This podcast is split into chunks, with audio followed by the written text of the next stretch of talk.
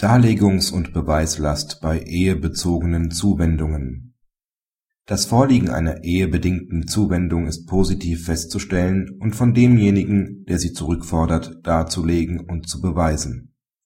Während der Ehe, die 2006 geschieden wurde, erwarb die Ehefrau unter anderem Grundeigentum zu Alleineigentum, welches zum Teil vom Ehemann mitfinanziert wurde Zudem erwarb sie während der Ehe mit Mitteln des Ehemanns eine Eigentumswohnung.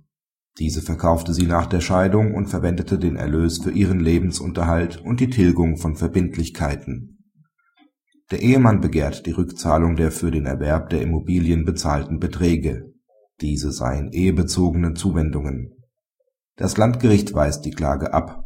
Der Ehemann legt Berufung ein in der Zwischenzeit stellt sich heraus, dass der Ehemann nicht der Vater eines in der Ehe geborenen Kindes ist. Das OLG bestätigt das Urteil des LG.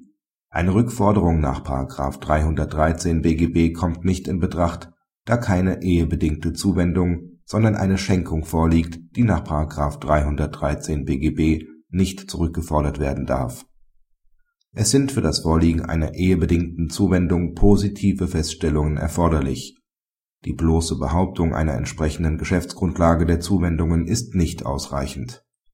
Der Ehemann hat weder schlüssig vorgetragen noch unter Beweis gestellt, dass er die Erwartung hegte, die eheliche Lebensgemeinschaft werde Bestand haben und er werde deshalb an den Immobilien weiter teilhaben. Außerdem hat der Ehemann nicht dargelegt und bewiesen, dass ihm ein Festhalten am gegenwärtigen Zustand nicht zuzumuten ist.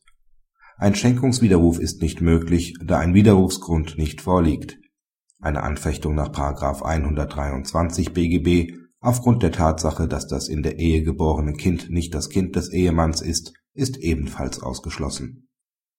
Praxishinweis Die Güterrechtsreform wird das Institut des Wegfalls der Geschäftsgrundlage beim vermögensrechtlichen Ausgleich von Ehegatten nach der Scheidung nicht gegenstandslos machen. Insbesondere bei der Gütertrennung wird daher weiterhin um das Vorliegen ehebedingter Zuwendungen gestritten werden